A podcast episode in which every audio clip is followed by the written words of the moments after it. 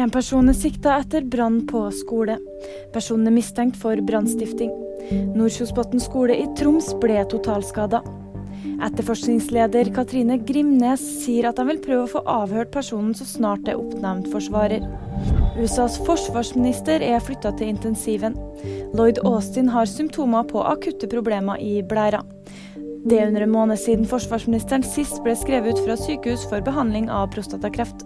Men ifølge Pentagon er Austins kreftprognose fremdeles utmerket. Verdens raskeste maratonløper er død. Calvin Kiptum ble bare 24 år og døde søndag i en trafikkulykke. Det opplyser Kenyas idrettsminister.